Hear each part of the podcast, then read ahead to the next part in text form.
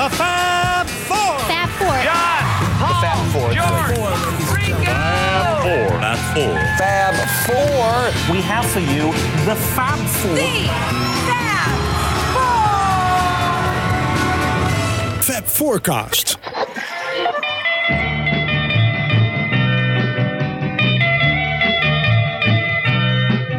看到你就会看到我，看到我就会看到你。 我们俩不分离，谁的爱情能与我们相比？我们俩朝夕在一起，我们陶醉在爱河里。爱情像歌曲要唱得好，可是并不容易。爱情真奇妙，多美丽，奇妙又美丽，它叫人日夜着迷，日夜都着迷。看到你就会看到我，看到我就会看到你，我们俩不分离，谁的爱情能与我们相比？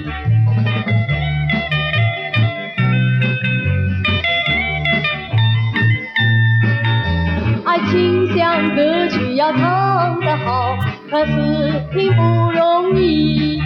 爱情真奇妙，多美丽，奇妙又美丽，它叫人日夜都着迷，日夜都着迷。看到你就会看到我，看到我就会看到你。我们分离，谁的爱情能与我们相比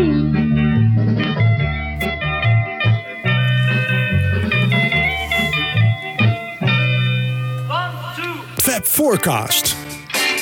Ja, beste luisteraars, dit was een wel heel bijzonder begin van deze aflevering van Fab Forecast.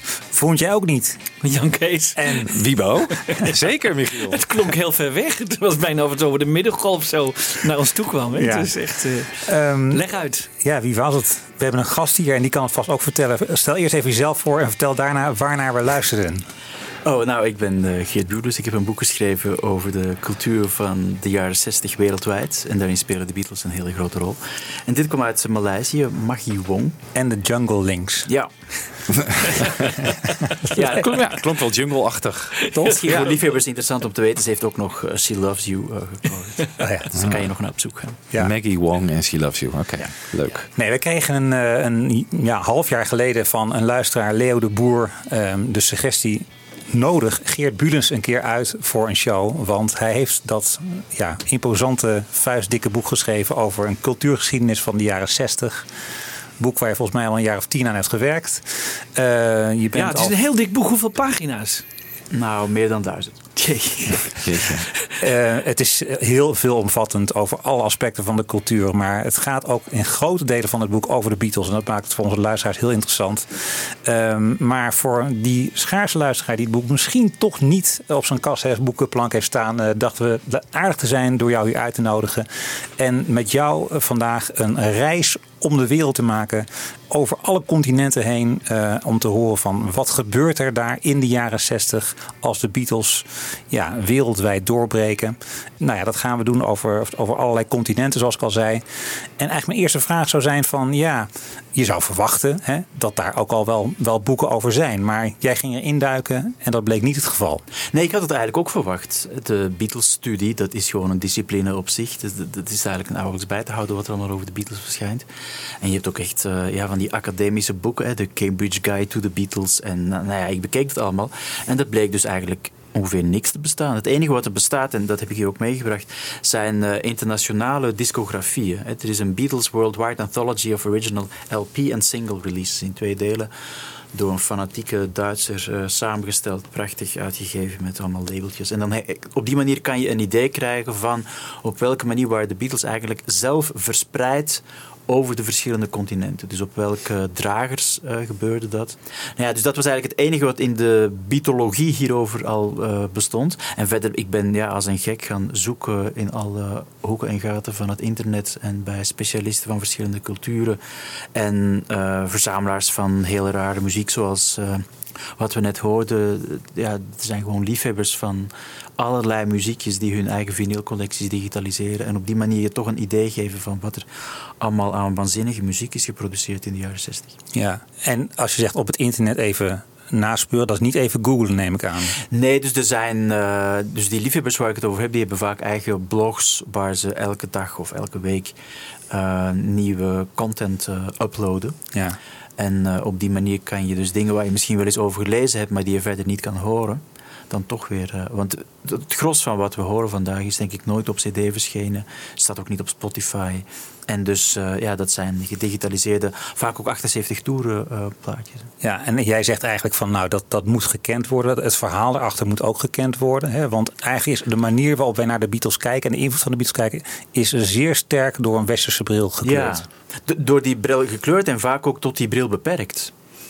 Er staat op Netflix een documentaire How the Beatles Changed the World. Maar dat gaat over hoe de Beatles Amerika en Engeland hebben veranderd. Niet de rest van de wereld. Terwijl ze toch ook echt een wereldwijde impact hebben gehad. En ik denk als je het wil hebben over de, ja, de mondiale cultuur of globalisering van cultuur. En daar speelt, in dat verhaal speelde de jaren 60 een heel belangrijke rol. Dan zijn de Beatles centraal. Eh, Geert, wat is jouw eh, dagelijkse eh, functie eigenlijk? En waarom wilde je dit boek dan Oh, mijn schrijven? dagelijkse functie is: ik ben hoogleraar moderne Nederlandse letterkunde aan de Universiteit Utrecht. Kijk. Niet echt een Nee. strikt Beatles-achtige bezigheid. Nee. nee.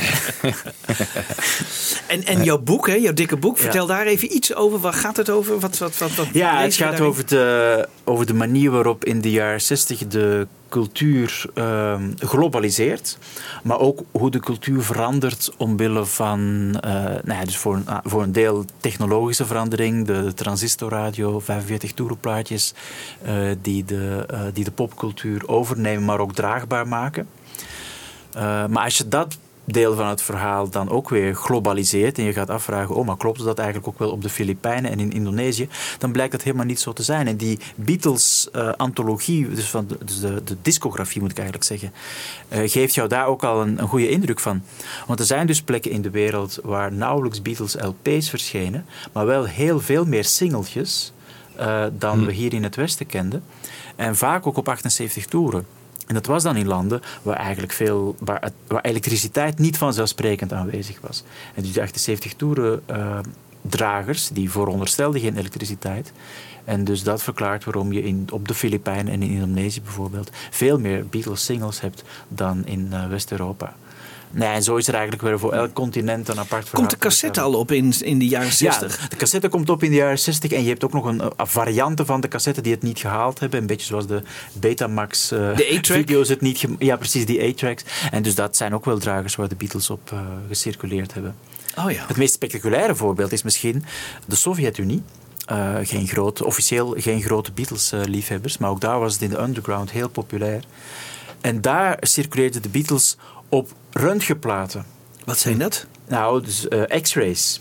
Kan Dus er muziek van, van, in het, van in het ziek. Ja, daar kan dus muziek op, maar hoe dat precies gebeurt, dat Oh. moet je eens op YouTube. Daar zijn van die demonstratievideo's van hoe, hoe je precies eh, geluid kan vastleggen en ook weer afdraaien op eh röntgenplaten. Ja, ja. Maar dus in de underground had je ja, de zogenaamde samizdat literatuur, maar je had dus ook samizdat röntgen. ehm, en dus op die manier waren er dus tot in zeer afgelegen plekken. Want ik heb ja, memoires gelezen van eh Sovjetburgers die in, in steden leefden. die omwille van militaire redenen nagenoeg afgesloten waren van de rest van de wereld. Maar daar luisterden ze dus via röntgenplaten naar de Beatles. Nou, Bijzonder. bijzonder. Je zal Ja. daar in een ziekenhuis komen en zeggen... Eens even kijken, meneer. Ja. La la la la la la. Nou, Beatles fever. Ja. Beatles Fever. ja. Ja. Maar ik heb eh, ook een, wat, eh, wat research eh, naar je gedaan. Een interview geluisterd dat jij op de radio hebt gedaan, eh, denk anderhalf jaar geleden. Eh, waarin, dat vond ik wel interessant hoe eh, wij nu naar de jaren zestig kijken. Dat dat eigenlijk gewoon ook ja, heel geselecteerd is. Hè? Alsof iedereen in die tijd van de Beatles hield. En het, wat me bijbleef is dat jij toen zei van de best verkochte LP van de jaren zestig is The Sound of Music. Zeker. Ja. Ja, en is ook de best bekeken film uit de jaren 60. Ja. Nog altijd, denk ik, omdat die natuurlijk elke kerst opnieuw wordt eh, Ja. uitgezonden. Eh, ja, dus we hebben zo het idee dat eh, als je spreekt over de Beatles veroveren de wereld, dat ze dan ook letterlijk Ja, de iedereen. harten en minds... Maar dat is natuurlijk helemaal niet zo. Heel veel mensen hielden inderdaad van, van The Sound of Music en van James Last en Mantovani en, en een soort van ja, hele lichte klassieke... of via The Sound of Music dan een soort van musical-achtige dingetjes. Ja. Uh, en dat waren eigenlijk veel meer mensen. Ook als je gaat kijken uh, wat er in de Nederlandse uh, hitparade stond in 1968. Ja, dat is Heino en zo. Hè? Ja. Ja, ook wel de Beatles. Hè? Ja, ja, ja, ja, Dus, ja. eh, natuurlijk waren de Beatles heel erg groot, maar er was heel veel ander spul dat helemaal niet met de jeugdcultuur, laat staan met de tegencultuur, geassocieerd werd. Nee.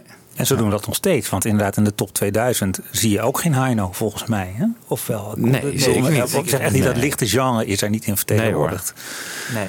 Nou, en er zijn ook nauwelijks uh, niet-westerse continenten vertegenwoordigd in de top 2000 Nee, natuurlijk. nee, Als je nee. je afvraagt wat komt er eigenlijk uit, uh, uit Afrika, Ja. nou, misschien Jekke Jekke.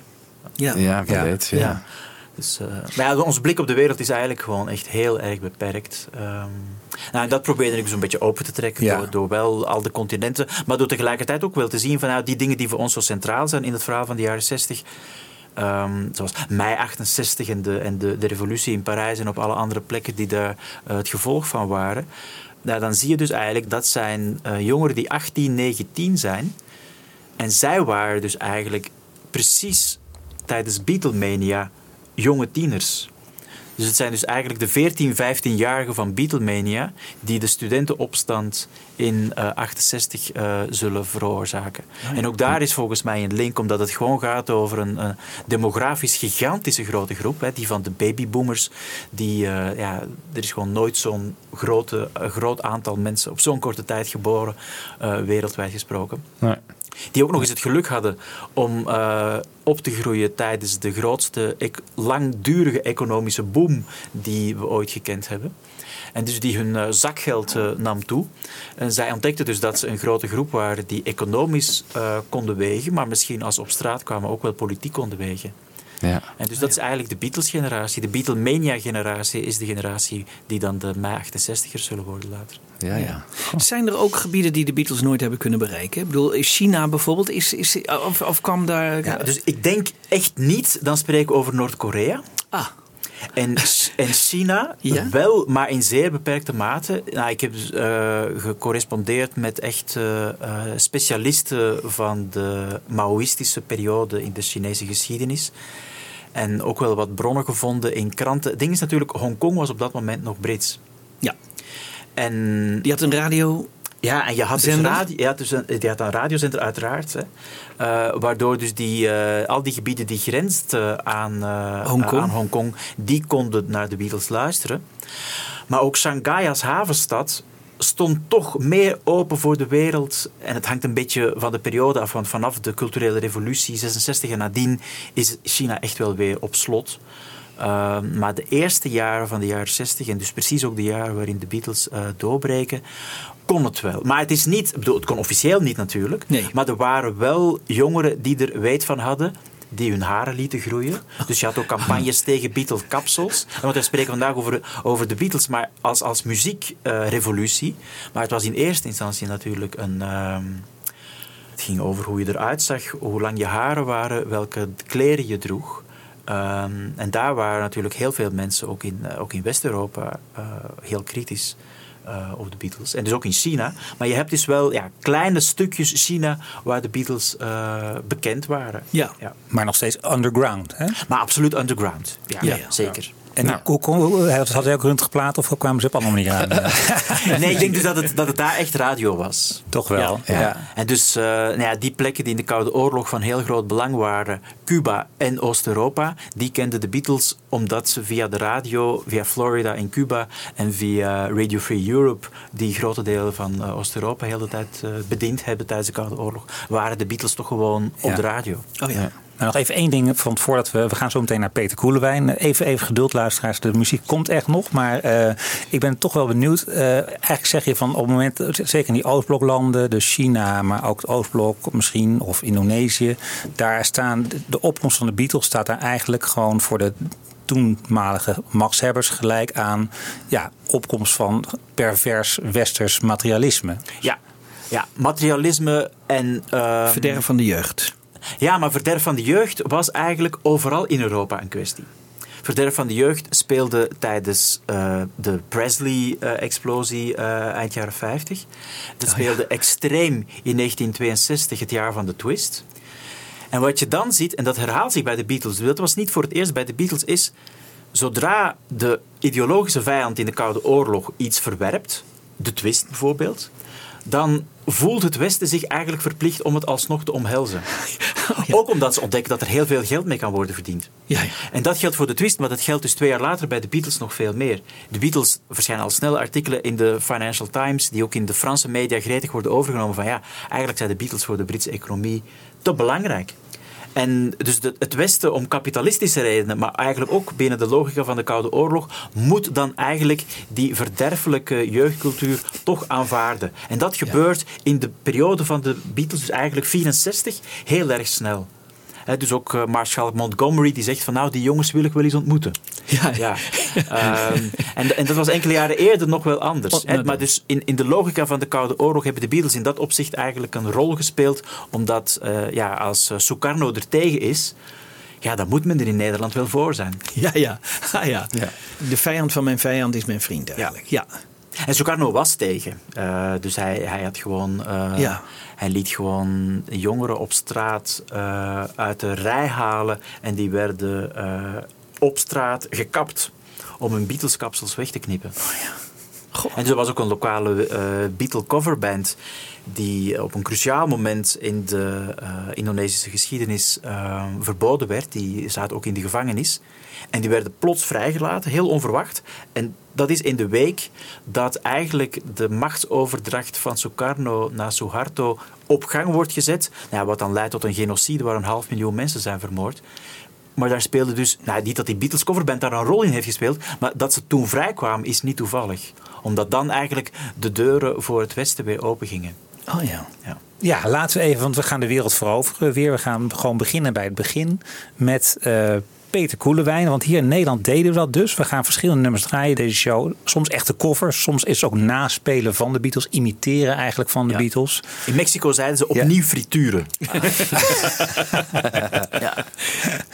Ja, gewoon eh, lekker krokant maken. Ja. Ehm, En we beginnen met eh, Peter Koelewijn hier. Wat, wat deed hij ook alweer, Wiebo?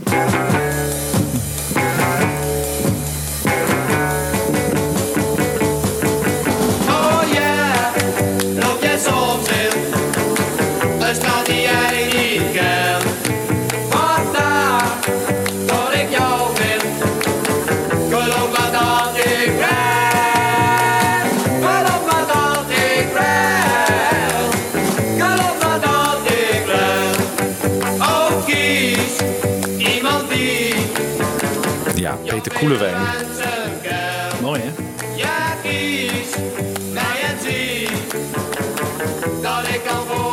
Jongens, wat voor cover is het nou? I Wanna Hold Your Hand natuurlijk. Ja, ja, ja, En hoe heet het hier? Geloof maar dat... maar dat ik ren. En dat is eigenlijk heel erg, heel erg goed. Als ik nu even als letterkundige eh, spreek, dan is dit eigenlijk een hele goede vertaling. Omdat dus eigenlijk de meeste vertalingen gaan letterlijk vertalen. We gaan zo meteen denk ik Johnny Halliday eh, horen in het Frans.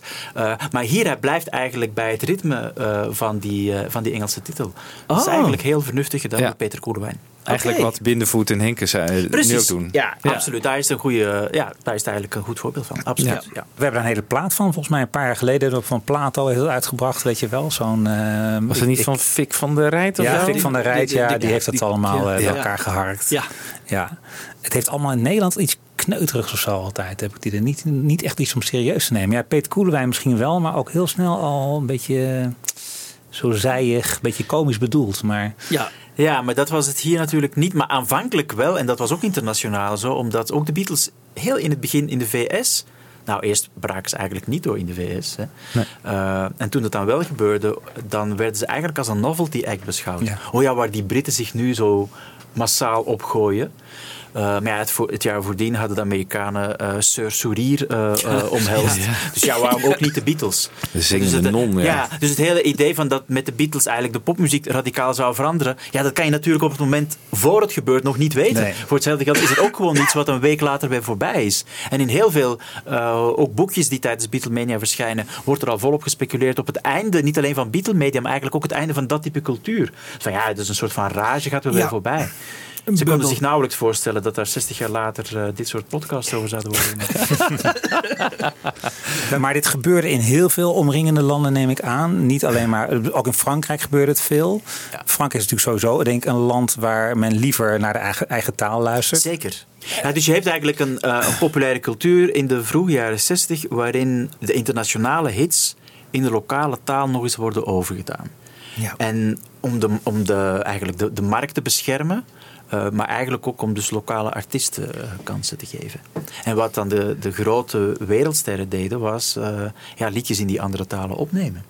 En Want dat- je, dan wordt het, niet, wordt het ons broodwinning toch maar weer. Hè? ja, is ja, dat het idee? Nou ja, de Beatles, de Beatles hebben een paar liedjes in het Duits opgenomen. Ja. Zelfs op het einde van de jaren 60 zingt eh, David Bowie nog een versie van Space Oddity in het Italiaans. Ja, Oh ja. dat gebeurt dan nog. Ja, Ja, dat, gebe- En dat, dat, Ja. dan is het bijna voorbij. Hè. Nadien komt dat eigenlijk niet meer voor. Maar dus de Beatles spelen daar ook een hele kleine rol in door dat in het Duits te doen. Maar al snel blijken ze eigenlijk te groot. En dan krijg je dus dat, nou, dat opnieuw frituren, zoals in Mexico zeiden. Ofwel ook in het Engels, maar heel vaak dan in de eigen taal. En de Franse eh, cultuur is daar natuurlijk een ty- type voorbeeld van.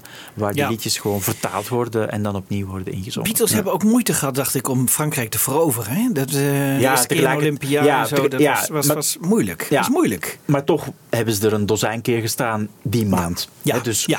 Vaker dan eh, in de blokker in Nederland. Maar ik, dat is waar. Dat is waar. Daar heb je helemaal gelijk in. ik vind het Ja. aardig, want je, want je zegt eigenlijk van... Ik heb, ik heb, tenminste, ik heb die singeltjes altijd een beetje beschouwd als een aardige geste naar het Duitse publiek. En dat was natuurlijk ook zonder meer. Maar jij zegt het was ook weer een soort tegenactie tegen Duitse en Franse... Nee, vooral Duitse initiatieven Ja, er waren geval. dus ook Duitse artiesten Ja. die gewoon de Beatles eh naspeelden. Ja, en dat Ja. de Beatles dachten van ja, dat kunnen wij dan zelf beter zelf doen. Eh, Ja, zo kan je het ook beschouwen. het is voor een deel is het ook echt een soort van marktprotection. in hoeverre, ja, dat weten jullie misschien wel, of er bij de Beatles ook nog iets speelde van een soort van Hamburg-nostalgie, dat weet ik eigenlijk niet. Nou, geloof ik niet. Nee, dat Nee, was ook een idee van George Martin, geloof ik, hè? van EMI. Ja. De Beatles wilden het eigenlijk helemaal niet doen. Nee, hadden een hekel Dus, aan. ja. Ja. Volgens mij moesten ze voor die opname nog de studio ingesleept worden door George Martin. Hè? In Parijs. Ja, In Parijs was dat, Ja. ja. Ja. Klopt. Ja. Hoe was dat in de DDR? Werd daar ook veel geluisterd naar eh, Beatles? En, Nou, de Beatles waren ook daar natuurlijk via de West-Duitse radio wel te horen. ja. Mocht je daar lang haar hebben? Nou, dat hing van de maand af. Niet in de zin van altijd in februari wel en in maart niet. maar de cultuurpolitiek in Oost-Europa veranderde doorlopend afhankelijk van de politieke context. Oh. En dus de, de begin van de jaren 60 kon er relatief veel, omdat nou, je krijgt Stalin sterft onder Khrushchev en destalinisatie en die zet zich ook in die andere Oostbloklanden door. En dan is er een tijd dat er relatief veel kan. Tsjechië gaan we zo meteen horen, daar kon eigenlijk vrij veel. DDR was altijd moeilijk. Maar heel even kon het wel. En dan verschenen er dus ook grote stukken in partijkranten over de Beatles. En dat de Beatles eigenlijk uit de Britse folklore eh, gegroeid waren. En dat je ze kon beschouwen als een kritiek op het westerse materialisme. Wat gezien de merchandising rond Beatlemania natuurlijk grotesk was om te beweren. Ehm, maar dat veranderde wanneer eind 65 kantelt de cultuurpolitiek in eh, Oost-Duitsland helemaal. Eh, en dan worden heel veel dingen verboden, wordt literatuur verboden. De volledige eigen filmproductie van dat jaar, die verdwijnt gewoon eh, in de eh, archieven. Eh, die films komen pas na 89 officieel uit in de DDR. En dus dan zijn de Beatles ook verboden. En in die eindfase, eind 65, voor het helemaal kantelt, zie je dus ook dat Beatles coverbands aanvankelijk nog succes hebben, maar dan ook in de problemen komen. En dat ook wel omdat dus die Oost-Duitse fans van die Beatle coverbands zich best wild gaan gedragen. En die muzikanten ook, die... die doen hun overhemd uit en zo. Eh, Nou ja, dan is het einde van het communisme natuurlijk al nakend. Dus, eh, Ja. Zullen we eens luisteren naar een stukje Johnny Halliday?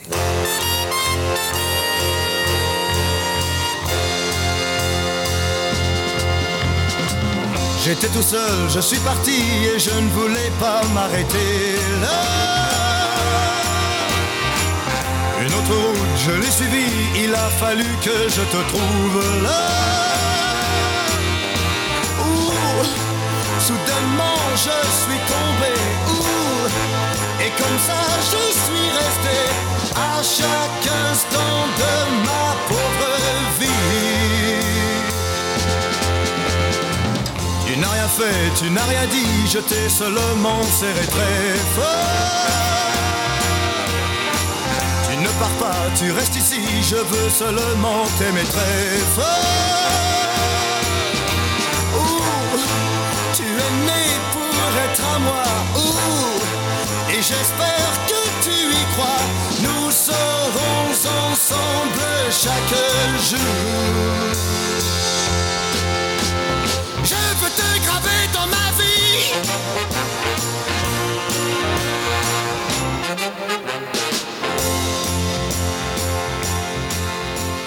Ja. Geert, is dit een goede vertaling? Jij bent misschien in het Frans iets beter. Maar... Nou, dit is niet onaardig, vind ik. Nee. Dit is niet onaardig. Nee, hè? Dit is eh, een beetje zoals eh, bij ons Koelewijn. Ja, nou, de, de, de klank is wel anders, maar ik vind dat het, het klinkt wel echt als een vlotte poptekst, voor zover dat in het Frans mogelijk is. Ja, ja. Dus eh, je bent hier wel tevreden over. Nou ja, weet je, het is, eh, het is Johnny Holiday, je moet ervan houden. Ja, Eh, oké, maar binnen dat- Maar binnen, dus, ja, binnen ja, het ja. genre kan Ja, het is het wel goed vertaald? Ja. Ja, nou, Ja. voor- goed vertaald is het zeker, ja. Oké, ja. Maar dit gebeurt dus op grote schaal. Worden westerse artiesten, ik neem aan niet alleen de Beatles, dus in het Frans hertaald. Zou je dat kunnen zeggen? Ja, dus ook de Stones en eh, alle... eh, Nou, ik heb dat voor die andere bands niet zo minutieus uitgezocht. eh, Nee. Maar het zou me ver- verbazen mocht het zich tot de Beatles beperken. ja. Ja. Ja. Hoewel de Stones dus nooit in het Duits of in het Frans een versie hebben opgenomen. Dat waren... Ja, ja, misschien wel, waren ze- De Stones wel. Ja? Ja? Dat schrijf je volgens mij. As Ja. Years Go By. eh, Oh ja, hebben ze die in het... eh, Ja. In welke taal? In Duits? En het zingen In ze zelf Frans? in het Frans? Ja, In ja. Frans? Ja? ja. Oh, wat Weet je grappig. wat, dat, dat moeten we echt even draaien. Ja. Een van de mooiste nummers van... eh, Je houdt van de Stones in het Frans. Ja, nee, maar dat willen we dan horen natuurlijk. dan Even een vind ik klein het wel te stukje. verteren. Even Nee, het is in het Italiaans. eh, Oh, Italiaans. Ja. Ja? Oh, echt? Mi- Mick Jagger in het Italiaans? Ja. Oké, nou dan gaan we die er even in gooien. Ja.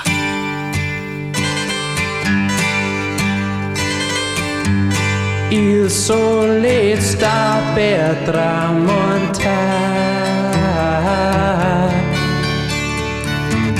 dei bimbi corrono a giocare, bisi che sorridono ed io son qui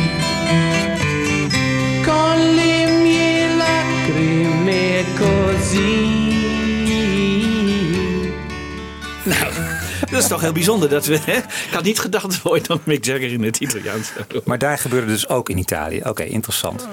Ehm, we zakken weer wat verder af naar het zuiden, komen in Spanje terecht. Hoe zit het met Spanje? Kan je in Spanje rond die tijd nog vrijelijk van de Beatles Franco? genieten? Franco? Nou ja, je hebt natuurlijk verschillende West-Europese landen die een dictatuur zijn of worden in de jaren 60. Hè. Spanje, eh, Portugal, nadien ook eh, Griekenland.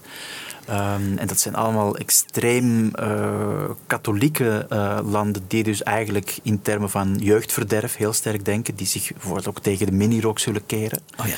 Ja, dus in dat opzicht is dat allemaal tricky. Uh, maar de Beatles konden toch wel, ook in Spanje. Maar je, wat, wat, we gaan horen is flamenco Beatles. Dus het wordt echt. En dus dit is niet opnieuw frituren, dit is gewoon aanpassen aan de eigen cultuur. Ja.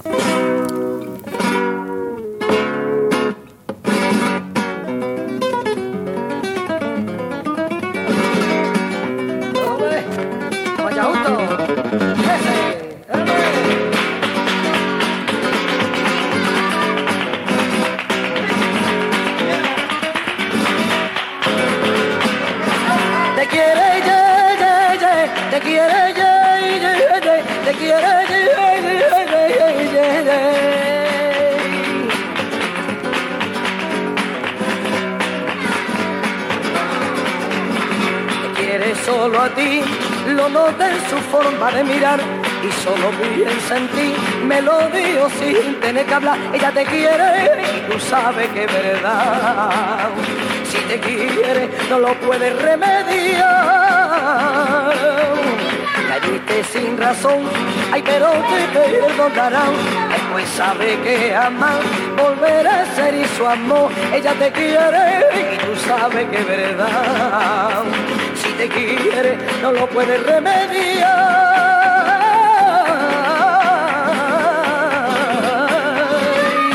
Te quiere, te quiere, y si tú vuelves con su amor que hará feliz.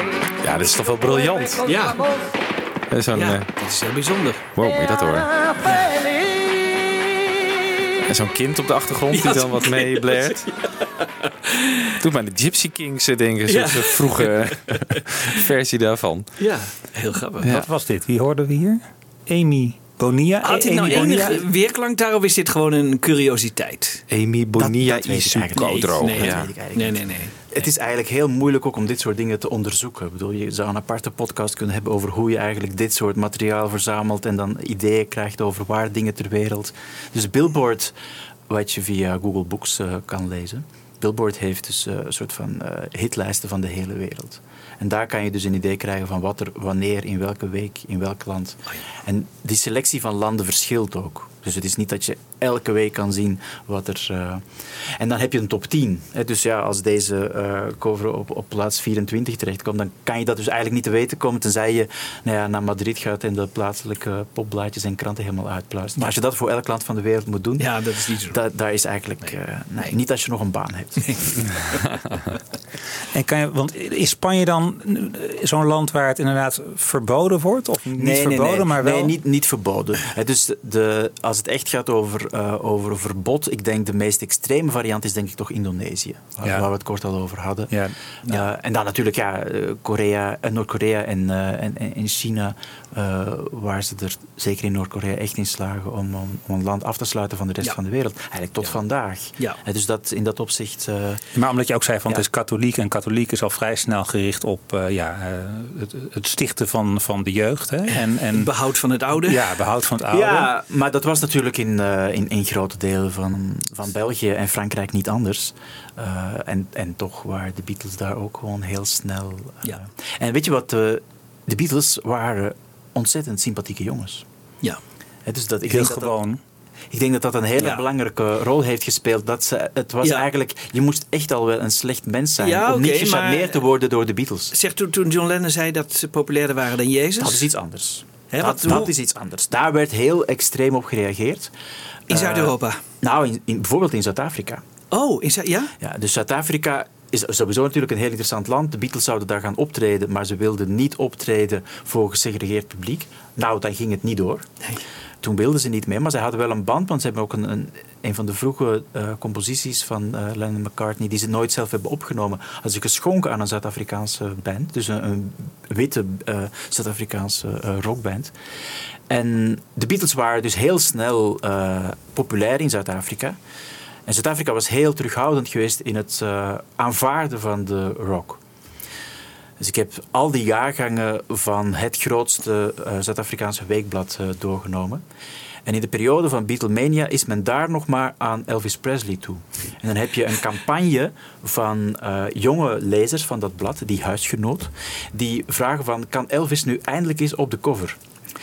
En hoe eindigt het dan? Nou, Pat Boone komt op de cover. Ja, precies. Ja. Want Pat Boone, dat was een sti- zeer sticht- stichtelijke Ja. eh, man. En, nou ja, en, dus dan, en dan verschijnen daar ook stukken over de Beatles. Van, oh, nou ja, in Zuid-Afrika is men natuurlijk heel erg anti-Brits. Tenminste, de Afrikaners zijn anti-Brits al honderd jaar lang eigenlijk.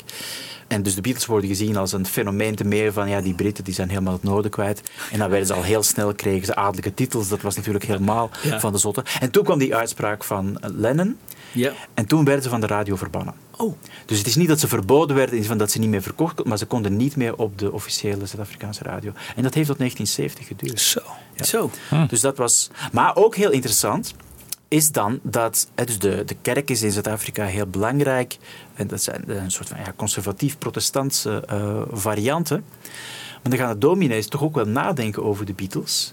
En dan verschijnt er een, een, een stuk ook in, in dat weekblad waarin hij zei van ja, we moeten ons toch wel vragen stellen wanneer de levensvreugde die de Beatles uitstralen vandaag ook door jongeren in dit land zo wordt gewaardeerd, dat wij er blijkbaar als kerk niet in slagen om diezelfde gevoelens van levensvreugde via de kerk bij de jonge generatie te brengen. Dus terwijl de Beatles nog niet opnieuw op de radio kunnen, zijn ze toch ook wel een referentiepunt voor vormen van nou ja, zelfkritiek in het apartheidsestablishment. Want dat is uiteindelijk waar we het over hebben. Hè. Dus dit is echt de, het hart van het uh, apartheidsregime.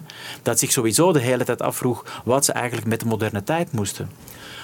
Er was geen televisie in Zuid-Afrika. Die kwam pas diep in de jaren 70. Dus ook Zuid-Afrika probeerde eigenlijk de moderne wereld buiten te houden. De Beatles hoorden dus tot die moderne wereld. Dus dat was complex. Ja. Hey, we zijn nu in Afrika. Zullen we dan meteen even een stukje Congo laten horen? Ja, misschien iets over vertellen. De artiest die we gaan horen, Dr. Nico, is een legende in de Congolese muziek. En wat we nu gaan horen doet hem geen recht. In die zin, hij heeft waanzinnig swingende, hele, hele goede muziek opgenomen. Dit is een Beatles cover waarvan jullie meteen zullen zeggen na een half minuut van oké, nu hebben we het wel gehoord. Wat ik daar zelf interessant aan vind, is dat als je op de hoes kijkt, dan wordt daar eigenlijk een, een soort van fonetische weergave van de titel uh, vermeld. Wat mij doet vermoeden dat zij die plaat nooit zelf hebben gezien. Dus dat ze dit eigenlijk van de radio hebben geleerd. Ja, zij spraken zelf uh, Lingala en Frans, dus het Engels stond zeer ver van hun af. De Cubaanse populaire muziek was, de rumba, was al van na de Tweede Wereldoorlog heel populair in Afrika. In Congo was het een beetje de nationale muziek geworden. Dus Spaans hadden zij ook nog wel. Dus dit klinkt eigenlijk als een rare mix van nou ja, Spaans, Engels en Lingala. Maar het waren de Beatles. Ja, en even over die titel dan, want anders snapt de luisteraar dat niet. Het is het nummer Al Follow the Sun. Ja. En inderdaad, fonetisch wordt het dan A Follow the Sun. Dus gewoon een A in plaats van Al. Ja, er zijn nog wel wat kleine dingen. Het is net anders, maar je hoort het ook als, je, als ze het uitspreken. Het is niet uh, zoals wij ons deze Engelse frase herinneren.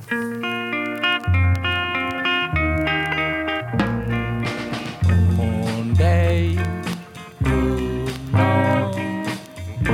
to see. What tomorrow be we soon. I follow the sun.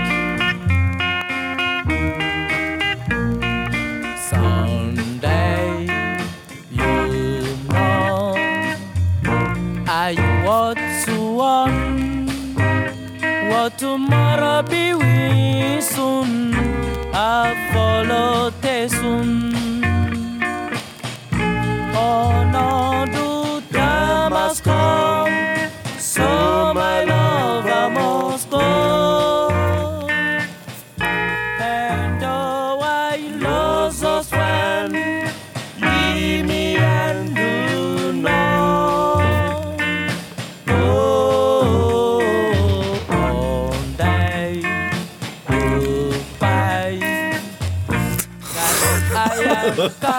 Ja, hier gaat het een beetje vals. What to Nou, we hebben langer dan een half minuut eh, geluisterd. Ja, hoor. ik vind het toch interessant. Ja. Ja. Nou, het is sowieso interessant, maar ik eh, nodig iedereen uit om Dr. Nico te googlen. En op YouTube staat er heel veel eh, spul van hem. Ja. Dit is echt een, eh, een, een gigant in Afrika, nog altijd Ja, hoor. maar Dus echt, eh, Is dit nou de plaatselijke taal of is dit nou, hebben zij nou het idee, de Congolezen, dat dit Engels is? Of, Dat durf ik niet te zeggen. Dat is gewoon het fonetisch meezingen Ja, eigenlijk. ja, wat ik vroeger als ja. kind ook deed. Ja, Dus zo- ja. ik denk dat je het daarmee het best kan vergelijken. Je, je kent het van de radio, je Ja. weet niet hoe het geschreven is en je zingt het gewoon zo mee. maar zelfs die tweede stem en zo doen ze er allemaal in. Dat, is-. Ik vind dat wel simpel. Nou, maar het waren fantastische muzikanten. Ja, ja, ja. want het Oh, ging ja. inderdaad heel even vals, maar het waren Ja. fantastische muzikanten. Die, gitaarvirtuosen, heel goede zangers. Echt, dit is echt... eh, Ja. Je hoort het hier niet, maar het is van het beste wat Afrika heeft voortgebracht in de Oh, mooi. 60. Ja. Ja. Hey, en als we over Afrika hebben. ehm, een van de dingen die jij ook in een eerder interview hebt gezegd is... ja, de Beatles die deden wel een wereldtour in 1964... maar eigenlijk was het allemaal gewoon nog steeds heel erg... ook vanuit hun perspectief door een westerse bril gekleurd. Hè? Ja.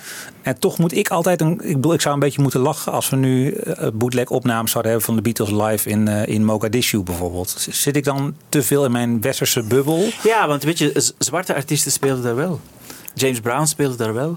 Oh. Ehm, en dus, eh, dus, dus het is echt... Maar eh, niemand speelde daar. De, in, geen enkele artiest van de British Invasion. Die, Nee. hè, Oh nee, nee, nee. nee. Dus er, waren, er waren geen. Er waren geen eh, Er was geen precedent in die zin. Nee, nee, geen, bu- nee, nee, nee, precies. Nee, maar het gaat mij eerder om het idee van. Wat betekent nu concreet de wereld veroveren en op wereldtournee gaan in 1964? Nou, wat was die wereldtournee van de Beatles in 64? Dat waren eigenlijk de rijkste oud-kolonies van Groot-Brittannië. Ze gingen naar Australië, Australië, ja. en ze gingen naar Hongkong. En eh, nou, in Ierland waren ze in 63 geweest. Zijn ze nadien nooit meer terug geweest. Nee, dat is gek, hè? Ja. Ook gek, hè? Ja, is ook vreemd. En ja. dan nou, het, het rijke Noord-Europa. Het- Ja. Ze zijn in Scandinavië, ze zijn in Nederland. Ja, en Amerika. En Amerika. En Amerika. Ja. Ja. En dat is het eigenlijk. Ze zijn zelfs niet in West-Duitsland. In Eh, 64. in 64. Nee, dat is waar. Wat merkwaardig is gezien hun verleden en gezien natuurlijk een hele grote en, en rijke markt. Ehm, Zijn nou, ze alleen in komt- Hamburg geweest in 66 dan? Dat was dat hun enige Duitse bezoek Nou, ik denk dat ze na- nadien nog wel in, eh, in Duitsland, maar dus niet tijdens in 64, tijd, Nee. dat ze op het toppunt van, eh van Beatlemania. En ze zijn natuurlijk Nee. nadien ook, ook, in, in Japan Ja, geweest München en en zo. hè. Ja. ja, Japan Eh, zeker. Ja. Ja. Ja. Maar dus in het, in het jaar van, van Beatlemania is het dus... ze gingen bijna naar Israël. Dat was eigenlijk op vraag van de moeder van eh, eh, Brian Epstein. Oh, Eh, dus dat waren Joodse Ja, connecties. En daar is een officiële Israëlische onderzoekscommissie opgezet. Om te onderzoeken of dat eigenlijk wel kon, eh, dat de ja? Beatles zouden worden uitgenodigd. En dan hebben ze uiteindelijk beslist, omdat het was misgegaan toen Cliff Richard in Israël was geweest, dat het een te groot risico voor de nationale jeugd was om de Beatles op Israëlisch grondgebied eh, te hebben. En zo zijn de Beatles niet in Israël geweest. Anders waren ze daar wel geweest. En dat was dan dus eigenlijk via de Epstein-link. oh ja. Ja. Zelfs een speciale resolutie over aangenomen, Ja. geloof ik. ja. Dus het wordt echt gewoon op rijksoverheidniveau be- Ja. bepaald. Zeker, zeker. En dat heeft dus heel veel te maken met waar we het eerder over hadden. Dat idee van jeugdcultuur en decadentie en het einde van de beschaving. Maar je moet je voorstellen, in Israël in 1964 ging men dus woordspelingen maken over het verdelgen van kevers. Wat, nou ja, twintig jaar na de holocaust toch een merkwaardige Ja. metafoor is. Ja. Ja. Ja. Dus dat werd beschouwd als een hele grote vijand van de, ja, van de Was nationale Israël in ziel die tijd conservatief? Nou, op dat vlak overduidelijk wel. Ehm, maar dat was de bloeitijd eigenlijk van de kibbutz. En eh, met een soort van eh, socialistisch, Ja. met de schouders eronder. Ja. En we bouwen een nieuw land eh, op. Nou ja, dat tijd dan in 67 heb je natuurlijk de, de Zesdaagse Oorlog. En ehm, ja, sindsdien is het eigenlijk nooit meer rustig geweest. Dus heb je eigenlijk doorlopende eh vormen van... Ja, ook van gewelddadige conflicten. Maar ja, ik denk ons idee van, van progressief en conservatief is relatief moeilijk te plakken op al die verschillende plekken, omdat daar hele andere belangen ook kunnen spelen. Dus als je het hebt over, over Indonesië bijvoorbeeld, de Beatles worden een onderdeel van een cultuurstrijd, ook binnen Indonesië. Waar Multatuli overigens ook nog een rol in speelt. Waar het over gaat van, moeten artiesten vrij zijn? Of moeten zij eigenlijk het volk representeren en een soort van nou ja, nationale kunst maken, waardoor ook Indonesië met al die verschillende talen en religies één land kan worden. Dat was het grote project van Sukarno. En alles wat ook maar neigde naar neocoloniale cultuur, en dus ook de Beatles, was vanuit die logica was een heel groot probleem. Maar verder was je, en dat had je in Cuba ook, en dat had je dus in, in, in Indonesië ook, had je een, een brede volkscultuur die ook politiek gedragen werd en die een soort van emancipatiecultuur was. Ja, zoals je die in, in sommige West-Europese landen ook in de 19e eeuw had. Maar al die landen zaten natuurlijk in een heel andere fase van, ook van natiewording. Ja, ja. En dan heb je gewoon andere culturele bezonjes dan alleen maar eh, kapitalistische herriemakers over de vloer krijgen. Hè, dus eh, waarmee ik eh, Sukarno niet in alle opzichten wil, eh, wil vrijpleiten. Maar er zat wel een soort van logica in al die landen waarom die dingen gebeurden. Waar, waar de Beatles een soort van ja, symbool werden. Maar verder interesseerde de, de Beatles natuurlijk Sukarno niet. Het ging om die lokale strijd. Die hij ook op dat moment volop aan het verliezen was. Dus ja, het is het, einde van het Sukarno-regime. En nadien krijg je dus een ja, door westerse grootmachten getolereerde en in sommige opzichten ook gesteunde eh, grote schoonmaak, die gewoon een genocide was, waar echt gewoon een half miljoen of meer mensen vermoord zijn, inclusief allerlei mensen die van eh, Chinese afkomst waren en die om die reden van communisme werden verdacht. Dat is Sukarno en zijn opvolger is Suharto. Suharto, heb ik ja. altijd eh, dat Ja. nog net goed onthouden van mijn geschiedenislessen. Ehm, klopt het dat uit die tijd het fragment stamt waar we nu naar gaan luisteren? Dat, eh, dat klopt. We gaan een Ja. beetje kriskassen doorheen, maar dat eh, lijkt me voor de flow van het gesprek soms beter. Dus we gaan nu luisteren naar Ernie Johan en haar cover van I'll Be Back.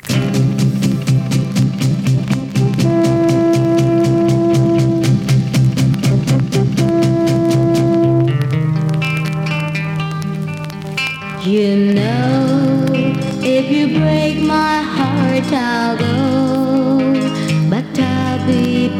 again.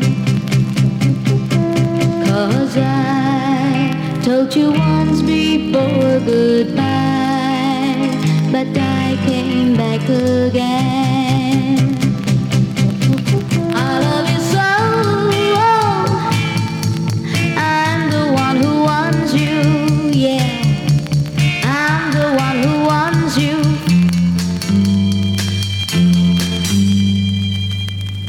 You could find better things to do than to break my heart again. Ja, Ernie Johan, zij was dus een Indonesische zangeres, maar haar vader was diplomaat en had onder meer in Den Haag eh, gezeten. En zij had dus een meertalige carrière. Zij nam liedjes op in eh, Indonesische taal, maar ook in het Nederlands en in het Engels. En in, precies in die kantelperiode, halverwege de jaren 60, op het einde van Sukarno, wanneer dus de Beatles echt worden verboden. Ehm, de legende wil zelfs dat die Beatles coverband waar ik het over heb, dat die werd gearresteerd terwijl ze op het privéfeest van een marineofficier I Saw Her Standing There stonden eh, te spelen. En dus dan werd er ja, aan al die vedetten duidelijk gemaakt dat ze hun eh, Beatles-liefde moesten koelen en dat ze eigenlijk elke verwijzing naar westerse cultuur, en dat kon dus gaan over ja, bepaalde ritmes, maar zeker ook verwijzingen naar seksualiteit en zo, dat moest eigenlijk verdwijnen. En je ziet ook dat dan die Ernie Johan dat dan ook gaat doen. Zij gaat zich eigenlijk een beetje eh, ja, minder westers eh, en ook minder vrijgevochten opstellen. Wat betekent dat voor de instrumentatie? Want ik neem ook aan dat de de elektrische gitaar komt ook op, neem ik aan, onder invloed van de Beatles in al die landen. En die moet opeens terug naar een oude, ja, ik weet allemaal niet eh, wat voor instrumenten dat zijn, maar eh, ik ja, wil dus zo hard werd het dan eigenlijk ook weer niet gespeeld. Want als je dan luistert naar Indonesische muziek uit die, uit die jaren daaromheen. Tenminste, ik als niet-specialist, kenners horen dat misschien anders. Maar ik hoor eigenlijk qua instrumentatie niet zo'n enorm verschil. Nee. Dus ik denk dat het vooral ook zat in, eh, in repertoirekeuze en in teksten.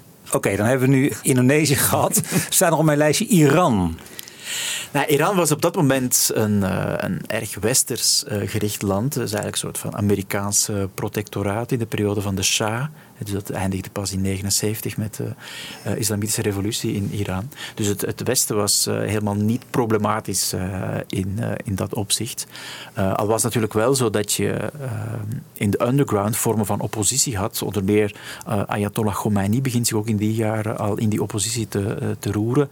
Die natuurlijk wel heel kritisch zijn voor het Westen. Maar vanuit het officiële regime, ja, de, de, de Shah en, en, en de verschillende vrouwen van de Shah, die stonden eigenlijk doorlopend in alle society-bladen in het Westen. In de privé en in, in Frankrijk in de Paris Match en zo. Dat waren echt eh, society-figuren, omdat ze royalty waren. En net zoals andere Europese royalty eigenlijk gevolgd werd. Daar hoorden zij gewoon bij. Dus in dat opzicht waren de Beatles ook helemaal niet... eh, eh, problematisch voor, voor Iran. Maar wat interessant is aan deze cover, is dat je meteen zal horen dat ze het liedje weliswaar brengen zoals we het kennen. Maar dat ze het ritme heel anders en dus neem ik aan volgens lokale muziektradities veranderen. Two, three, four.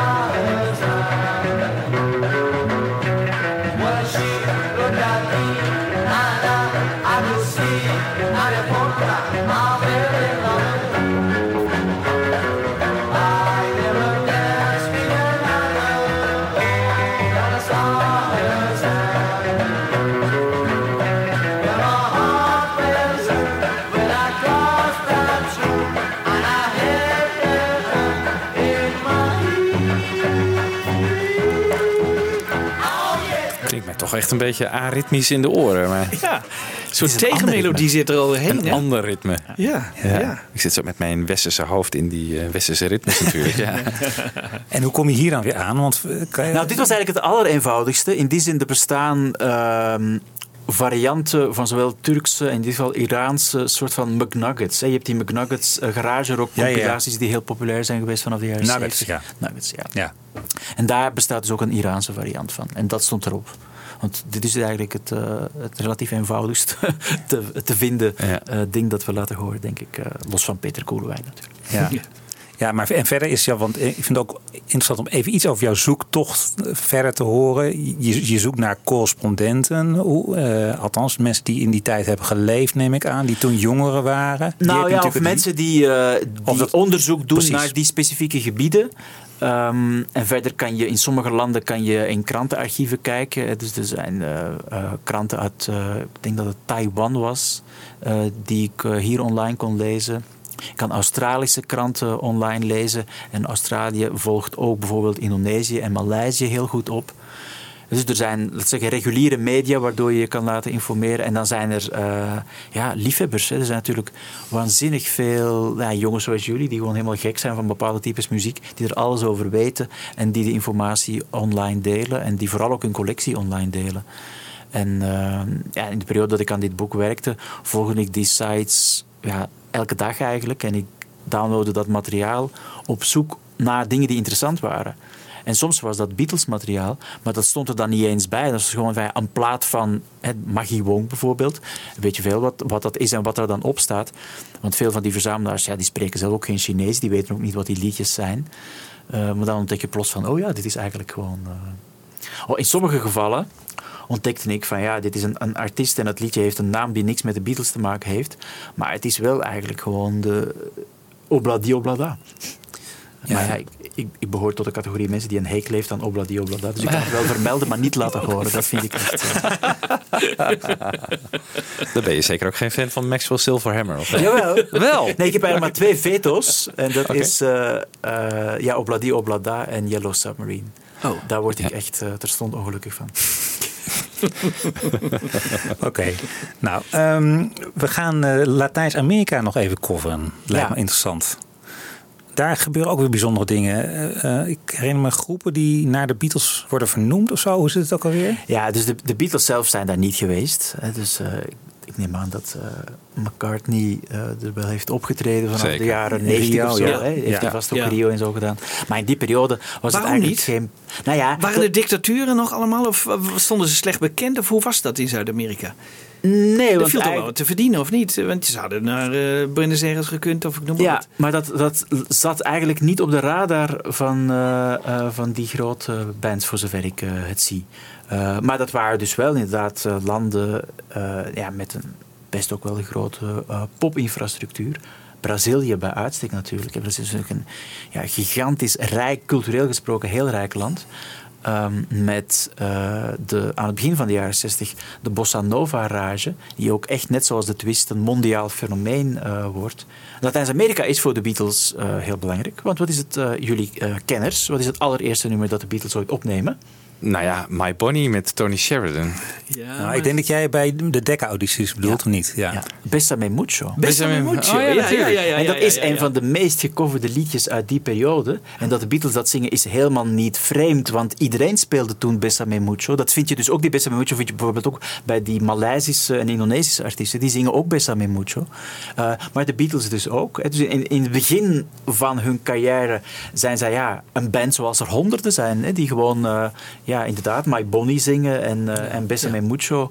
eh, in een leuke versie. Maar ja, er zijn er nog wel versies van dat nummer die, eh, die leuk zijn. En dat is een Mexicaans liedje. Uh, en, de, en, en in Mexico zijn ze ook al snel heel groot. Dat heeft ook weer te maken met het feit dat natuurlijk de Verenigde Staten vlakbij zijn. En dat de radio dat dus ook oppikt. Maar ook lokale radiostations. Maar Mexico is dan ook echt zo'n land waar ze die lokale markt proberen te uh, beschermen. Door die internationale hits lokaal over te doen. En zo gaan we er denk ik uh, nu eentje horen. Un, dos, tres, pa! Los conocí solo ayer y no sé qué hacer. Dos mellizas son muy lindas de verdad. No puedo seguir confundido, dos mellizas encontré. Y si se igual, yo no sé cuál es cuál. Al mentir no sé con quién yo quedo mal. No puedo seguir confundido, dos mellizas encontré. Tengo que encontrar la manera de no seguir fallando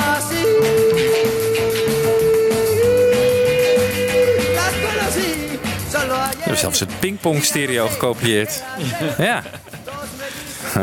Ik lees in Leuk. jouw boek ook dat in Argentinië de Beatles werden gelanceerd als Los Grios. Dus, Ja. dus ze kregen daar ook een andere naam. Ja, maar dat heeft niet lang geduurd hoor. Uiteindelijk werden ze wel overal de Beatles, maar er waren nog tijdelijk andere varianten. Ja. Ah, ja. En je schrijft ook dat de Beatles in juli 64 in de Braziliaanse media werden geadverteerd als de Amerikaanse Beatles. Nou, dus er werd geadverteerd voor een band die kwam spelen.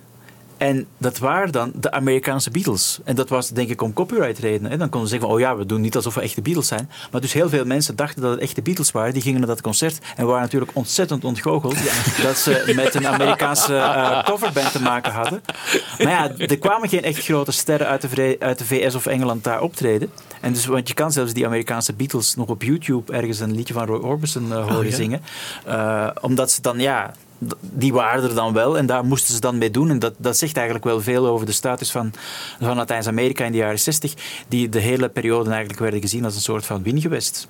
Ja. Eh, waar, ja, waar je geld kon verdienen, eh, maar waar je niet zelf eh, hoefde naartoe te gaan of echt die fans te respecteren. En van Latijns-Amerika maak nog een kleine sprong naar Jamaica. Naar, naar althans de reggae, als ik het goed begrijp. Ja. En wat, horen we, wat heb je daar voor ons meegenomen? Nou, Norwegian Wood, denk ik niet meteen het eerste liedje waar je je een eh Jamaicaanse versie van eh, Nee. voorstelt. Marshall Williams.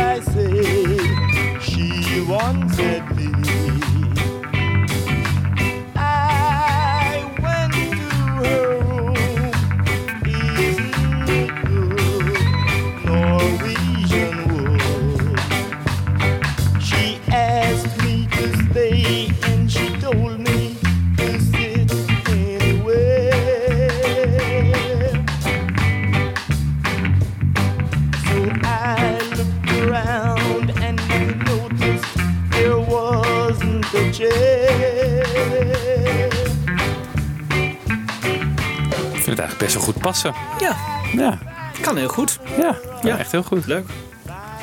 En het is, eh, welk jaar hebben we het hier over ongeveer, denk je? Het was reggae nog helemaal niet natuurlijk op het wereldtoneel verschenen. 65, dus misschien Ja, dit is 66. 67 of 68 of zo. Ja. Ja. Nou, leuk. Maar je had natuurlijk, ja, in, in, Jamaica was het al eh, volop bezig. En eh, je had ook wel al een soort van ska-wereldhit eh, gehad eh, in het begin van de jaren 60. Eh, Millie, hoe heet dat liedje ook weer? Kom ik even niet op. Maar het was niet zo dat ska hier ook totaal eh, onbekend was. Nee. Uiteindelijk, ja, de Beatles zelf. Zit in eh, I Call Your Name natuurlijk, Precies. een ska-stukje. Ja. En even over dat, dat, dat lenen uit andere culturen. Hè? Eh, bedoel, vind je daar. Kijk, Ik ken later ook voorbeelden bijvoorbeeld van McCartney die Band on the Run gaat opnemen in Lagos. En daar komt hij volgens mij Fela Kuti tegen. En die zegt van wat kom jij hier doen, blanke man? Je komt hier onze ritme stelen. Dat is natuurlijk ook een perspectief. Hè? Ik bedoel, je kan denken van ja, de Beatles hadden daar naartoe moeten gaan. Maar misschien zijn ze gewoon niet altijd welkom. Eh, ook niet bij lokale artiesten dan. Niet alleen politiek gezien niet, maar meer, ja, dat is ook weer dat protectionisme waar we het al een paar keer over gehad hebben. Ja, maar er is Eh, denk ik een verschil tussen ergens gaan optreden om op die manier je fans te plezieren. eh, en naar een plek gaan om ze cultureel leeg te roven. Dat zijn denk ik wel verschillende dingen. Ja. En heb, jij daar, heb je bijvoorbeeld kritiek op Paul Simon die Graceland gaat opnemen in Zuid-Afrika? Of ik daar zelf kritiek Ja. op heb? Nou, Of heb je daar moeite mee? Snap je, snap je het punt wat, ik, wat die Zuid-Afrikanen ik, snap dat, ik snap dat punt wel. En natuurlijk ook omdat Graceland is opgenomen ehm, op het moment van de culturele boycott. Dus het was eigenlijk... eh, was de afspraak dat er geen contacten zouden zijn eh, en, en dat zowel sportwedstrijden als culturele contacten met Zuid-Afrika niet zouden bestaan tot apartheid ophield te bestaan. Nou ja, dat heeft hij willens en wetens eh, genegeerd. En zijn verdediging was altijd van ja, maar op die manier heb ik heel veel eh, muzikanten wereldwijd bekendgemaakt. En dat klopt ook natuurlijk. Dus zonder Graceland hadden wij denk ik nooit van Lady Smith Blackman Bosser gehoord. Dus, dit- dus hij heeft ook gelijk, maar de andere mensen hebben ook gelijk. En nou ja, dat is een, een, een geschiedenis. Ja, daar bestaat een, een prachtige documentaire over. Hè, dat hij eh, decennia later dan opnieuw in Zuid-Afrika gaat optreden en opnieuw met die muzikanten eh, spreekt. Die dan veel vrijer kunnen eh, spreken dan, eh, dan in de vroege jaren tachtig. En eh, ja, hij ziet ook wel in dat hij daar misschien eh, een beetje blind voor is geweest. Ja. Of ja, opportunistisch. Een woord dat nog wel rond Paul Simon hangt. Ja. Ja. Ik vind overigens Graceland een fantastische plaat hoor. Ja. Ja. Dat is echt dat is een heel anders. Ja, ja. Kwalitatief is het gewoon een fantastische plaat. Maar ja, het hele idee van. En ja, Simon deed het natuurlijk ook in, in de jaren 60 tijdens Simon en Simon en Garfunkel. Latijns-Amerikaanse ritmes. Zeker. Oh ja. Eh, El Condor Pas is Ja. natuurlijk Ja. ook Oh eh, Oh ja. Zeker. ja. En Dus er zit altijd iets in van. eh, ik heb muziek ontdekt. die, die Braziliaanse plaat eh, was ook zo'n voorbeeld van, eh, van Paul Simon. Hij houdt echt van muziek over de hele wereld. En hij maakt die veel bekender over de hele wereld. Tegelijkertijd is hij er natuurlijk ook steenrijk mee geworden. Eh, we moeten nog even over Brazilië hebben. Ja, wat, we gaan horen is een, eh, een lokale, zou ik zeggen, bijna big band-achtige eh, Beatles cover. Maar ehm, de Beatles zijn ook voor de ontwikkeling van de popmuziek in eh, Brazilië heel ehm, belangrijk. Omdat we, ja, wat we vandaag nog weten uit de popmuziek van Brazilië uit de late jaren 60, dat is eh, Gilberto Gil en Caetano Veloso. Dat zijn wereldsterren. En zij ontwikkelen zich in die jaren tot lokale varianten van psychedelica. En dus zij, nemen platen eh, op eh, die in een aantal opzichten heel erg geworteld zijn in lokale tradities. Die zij door en door kennen en ook in de vroege jaren 60 mee vorm hebben gegeven. Maar ook geïnspireerd door ehm, ja, Beatles jaren 67, 68 eh, eigenlijk. En eh, in dat opzicht eh maken zij dus eigenlijk een hele originele mix. En daar zitten dus ook Beatles-invloeden in. In de zogenaamde Tropicalia-beweging. dus dat is eigenlijk echt een moment dat de Braziliaanse, ja, zowel het theater als het design, als de, als de literatuur, als de popmuziek, door een soort van eh, lokale variant van eh, het hippiedom en de psychedelische eh, cultuur eh, worden eh, beïnvloed. Heel, voor de Braziliaanse cultuur heel belangrijk. Maar het heeft ook allerlei effecten gehad eh, buiten eh, Brazilië. Omdat kort nadien die muzikanten Jill en eh, Veloso uit het land worden gezet. Dus dan krijg je echt een verstrenging van de dictatuur in Brazilië. En dan worden zij worden een tijdje vastgezet. En uiteindelijk worden ze dan eh, naar Portugal gestuurd. Zijn heel even in Frankrijk. En zullen uiteindelijk in Londen terechtkomen. Niet toevallig in Londen. Want dat was natuurlijk de plek waar de Beatles hadden opgenomen. En waar zij zelf ook een tijdje hebben gewoond. En platen hebben opgenomen in de vroege jaren 70. Dus zowel Jill als Veloso eh, hebben een, ja, een duidelijke link ook met de Beatles in dat opzicht.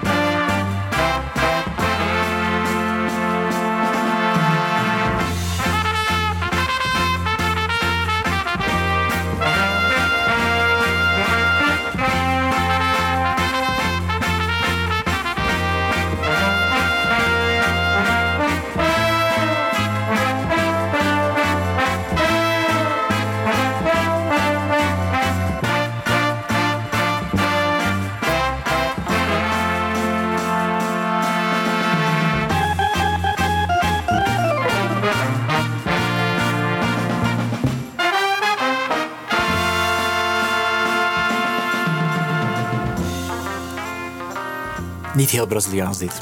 Nee. Nee, maar ja, je hebt in die periode eigenlijk al van in die, die bij Moetjak er eigenlijk ook mee samen een soort van eh, Latijns-Amerikaanse balorkestcultuur.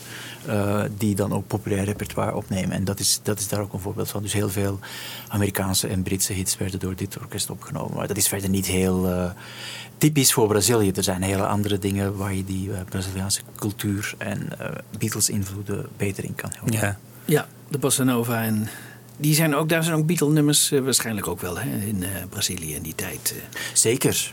Je hebt eh, ook nog in 1970 Edu Lobo, een van die hele grote lokale singer-songwriters, die heeft een, eh, een hele rustige, bijna geneuriede versie van Hey Jude opgenomen. Oh. Ja. Ehm, we gaan langzaam dan weer terug ehm, naar Europa. Althans, er is nog één het verhaal achter het Oostblok. We willen het nog een klein beetje over hebben. Want we hebben het al gehad over de DDR. Maar ehm, Ja, cultureel Praag, gesproken Praag. is eigenlijk het interessantste eh, land eh, tijdens de Koude Oorlog is eh, Tsjechoslowakije. Ja. En dus je hebt de zogenaamde Praagse lente, wat een extreme vorm van liberalisering was, politiek, maar ook cultureel. En er kon toen echt heel veel. Eh, Dus de Tsjechische, maar ook Slovaakse cinema uit de, ja, uit de jaren 60 is waanzinnig experimenteel en inventief. Daarmee vergeleken maakten ze in Nederland echt alleen nog maar klompenfilms. Het is echt eh, onvergelijkbaar veel interessanter. En zij waren dus heel erg gericht op eh, ja, wat de film betreft, eh, aanvankelijk op, eh, op Frankrijk, waar heel veel veranderde. Maar ja, de popmuziek die veranderde natuurlijk in de, in de VS, maar vooral ook in Groot-Brittannië waren ze heel erg op gericht. En daar maakten ze heel snel ja, eigen versies van. Dus in het begin van de jaren 60, en dat gaan we ook horen, dat is ook weer een van die covers die heel erg lijkt op het eh, origineel, maar dan met een, in de lokale taal gezongen. Later in de jaren 60, en dus echt in die periode 67 van de Praagse lente, dan ga je ook gewoon bands krijgen die. Pepper spelen vlak nadat die plaat is uitgekomen in de rest van de wereld, inclusief de eh, kostuums van eh Sgt. Pepper. Eh, en dan ontstaat er ook zoiets als de, de Summer of Love. van 1967, die speelde zich in eh Tsjechoslowakije in december af. De Summer of Love. ja, Maar wel met een heel groot festival en met ja, een soort van psychedelische, ook lokale artiesten, die hele wilde dingen deden. Eh, dus in dat opzicht, eh, wij hebben vaak een beeld van Oost-Europa van ja, achter het ijzeren gordijn, alles wel Grauw grijs, ja, grijs-grauw. ja, ja, ja. Maar dat is dus ja, afhankelijk van het land en van het jaar waar je het over hebt, kan het totaal anders zijn. En dus eigenlijk tot eh, eind 68 en zelfs nog in, de, in vroeg 69 kan je voorbeelden vinden van echt hele vrije experimentele cultuur in Tsjechoslowakije. Maar wat we nu gaan horen, Karel Gott, iemand die ook nog in de Duitsstalige wereld nadien een soort van eh, wat schmalzachtige figuur is eh, geweest, dat was dus een vroege Beatles eh in Tsjechië.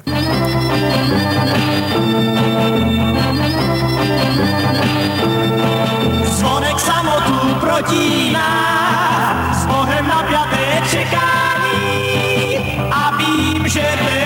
s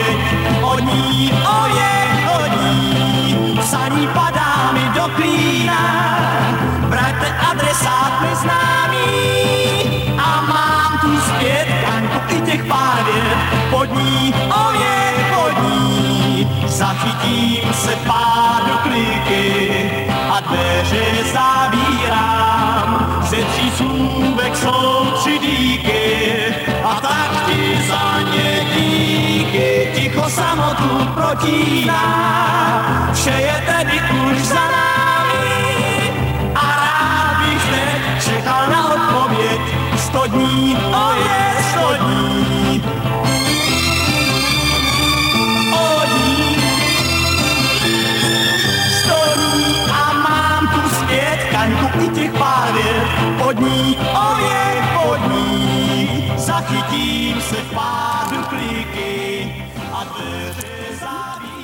ik ben even aan het googlen op eh, Beatles Prague. En dan krijg je inderdaad vrij veel eh, hits. Een John Lennon pub, een John Lennon muur. De- het leeft daar nog steeds heel erg. eh, Ja. Een zeer Beatles georiënteerde stad. Dit was wel lekker, dit eh Ja. Karel Gott. Maar later, later dus de schmals ingegaan, deze man. Nou, ik denk dat we zo al heel veel over de wereld gecoverd hebben, eh, Geert. We willen nog één, je, zei er is nog één verhaal wat ik echt wil vertellen. Dat gaat meer over de strijd tussen Motown en de Beatles. Hè? Ja. Eh, dus de Beatles komen aan in, eh, op een moment dat Motown heel groot is in Amerika. En dan heb je ook weer de mensen bij Motown die denken van ja, we gaan niet, eh, we gaan niet opeens de Beatles de nieuwe norm laten worden. En die gaan daar een soort, soort tegen in. Maar wat, wat heb je daarover te vertellen? Nou ja, de Beatles zijn natuurlijk ontzettend beïnvloed door de zwarte populaire muziek. Eh, Dus zij, zij houden van Chuck Berry. eh, ze nemen zelf ook op een vroege plaat Motown op. Dat is voor hun eigenlijk het ding. En wanneer zij in de VS komen, dan vinden ze het eigenlijk ook gewoon fantastisch om naar optredens te gaan en die mensen te ontmoeten. En ze, ze ontdekken dat dat daar de hele tijd op de radio is. Ja. Ze nemen En- alle eh, langspeelplaten mee hè, van Motown Ja. naar huis om te beluisteren. En natuurlijk, wat was de eerste Amerikaanse platenfirma van de Beatles? VJ. Oh, VJ. En dat was een zwart label. Ja. Ja, omdat dus eh, aanvankelijk wilde Capitol er helemaal niet aan aan de Beatles. Hè, dus het is een hele interessante link tussen de Beatles en de zwarte Amerikaanse eh, popcultuur, die via Motown op dat moment heel erg groot is. Ja. Dus de Motown heeft gewoon de ene wereldhit na de andere. En vandaag denken we, ja, 1964, dat is het jaar van Beatlemania. Maar je zou net zo goed het verhaal kunnen vertellen van nee, 1964, dat is het jaar van Motown. Als je gewoon de lijst van wereldhits van Motown uit 64 oplijst, dan denk je van ja, waanzinnig. En daar zit dus ook een, eh, uiteraard een commerciële kant aan. In die zin dat eh, toen de Beatles die Motown-liedjes gingen opnemen als nog relatief onbekende band, had Barry Gordy van Motown gezegd van oh ja, voor x bedrag, maar dat was een relatief klein bedrag. En toen werden zij plots super groot. Toen dachten van, ho, nu gaan dus die Britten hier even geld verdienen met eigenlijk liedjes uit mijn stal. Nou, dat was niet de bedoeling. En Barry Gordy was natuurlijk een eh, commercieel eh, mastermind. Dus hij dacht van, nou, we draaien het gewoon om. En ik laat de Supremes hitjes van eh, die eh, British Invasion artists eh, zingen. Dan pakken we ze terug. En dan pakken we ze terug. ja. En dat is dus een plaat geworden nou, die in verschillende edities bestaan, maar dus die ook From Me to You heet. En waar dus eigenlijk Motown zegt van ja, wij zijn op dit moment de wereldsterren. Ja? En we zingen nu even jullie liedjes zoals jullie onze liedjes zingen. En eh, nou ja, daar staan een paar waanzinnige eh, covers eh, op. En nou, ik denk dat het liedje dat we nu gaan horen van de Supremes, ja, voor mij echt een van de allerbeste Beatles covers ooit.